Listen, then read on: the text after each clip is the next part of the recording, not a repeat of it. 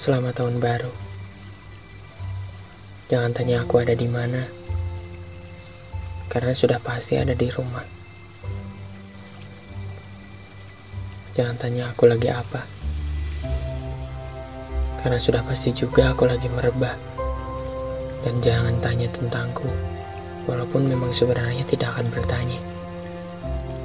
Tahun ini memang membosankan. Tahun ini tanpa pelukan yang biasanya kamu mencuri momen saat kita naik motor. Kamu ingat malam tahun baru kemarin, saat sedang di jalan. Namun hujan turun begitu saja. Mungkin semesta tidak mendukung apa yang kita lakukan waktu itu. Kita berteduh di dekat tukang jagung bakar. Aku masih merindukan momen saat kamu mengambil jagung tanpa sepengetahuan pemiliknya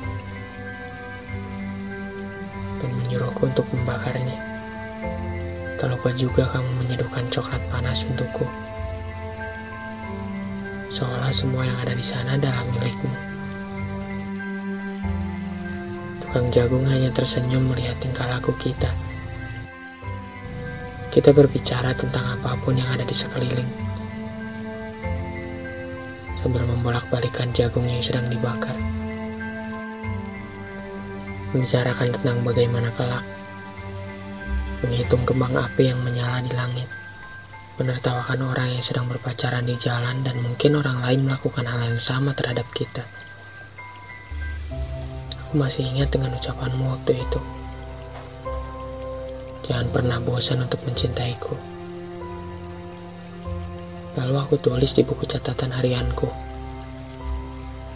Tapi sekarang, aku masih tersenyum sendiri. Sama seperti pedagang jagung yang kita datangi seolah itu adalah punyamu. Malam tahun baru ini kamu ke mana? Tidak ada kabar. Tidak ada ucapan selamat tahun baru darimu. Aku tidak mengerti. Kamu berusaha membuatku bingung dengan ucapanmu dulu. Dan kamu harus tahu, Gak enak banget rasanya diberi bekal ucapanmu yang harus aku terka-terka seperti apa makna dari kata itu. Aku pikir kamu mengucapkan itu, kamu tidak akan pergi.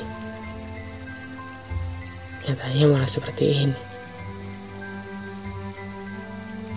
Terima kasih telah hadir dalam ceritaku.